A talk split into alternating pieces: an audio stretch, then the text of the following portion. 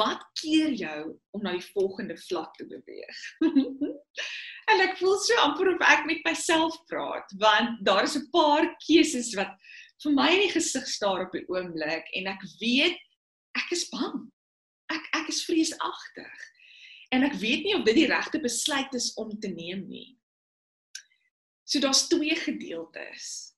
Vrees. Vrees het vir my so twee bene wat hy so lekker hand in hand ehm um, meeloop.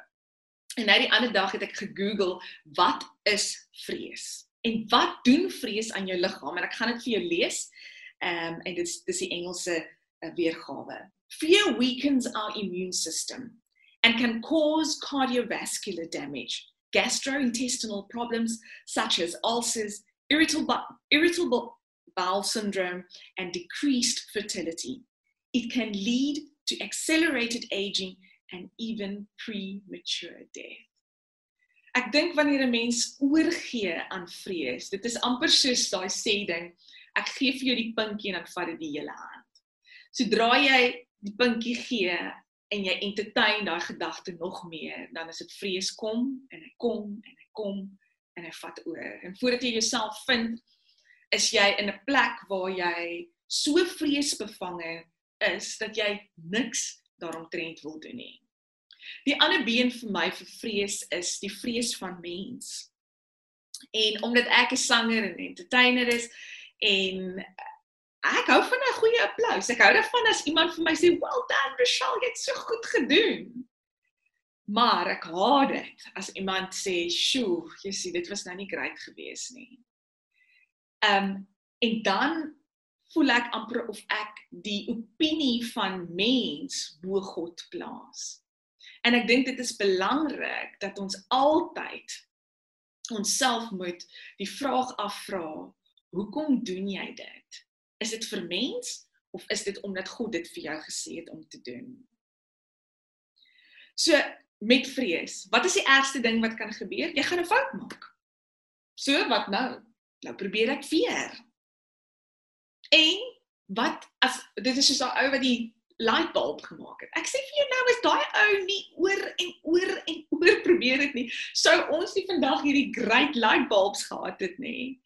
En dit is omdat hy uit sy foute uitgeleer het. Het hy nie weer daai fout begaan nie. En dis hoekom dit nogals belangrik is dat ons moet leer uit ons foute. 'n Ander ene wat vir my nogals, o, oh, jene, ek is nou besig hier om Walderbil te raak. wat nogals vir my regtig na in die hart is, is vir 'n baie lang tyd in my lewe het ek nie goed genoeg gevoel in wie ek is as 'n persoon nie. Voor TV en radio het ek gesing en was was ek net mamma by die huis. Nie net mamma nie, maar was ek mamma by die huis en het ek net gesing. Maar ek was een van daai mense wat nie dit kon doen nie. Ek kon nie hier voor jou praat en vir jou my storie vertel nie want ek het net gevoel, oh my gosh, I don't know if I've got it in me. En ek was een van daai mense wat wanneer ek op die verhoog verskyn dan sê ek, "Hallo, my naam is Rishan Liedeman en ek gaan vir julle sing His Eyes on the Sparrow." En dit is al wat ek ooit sou sê.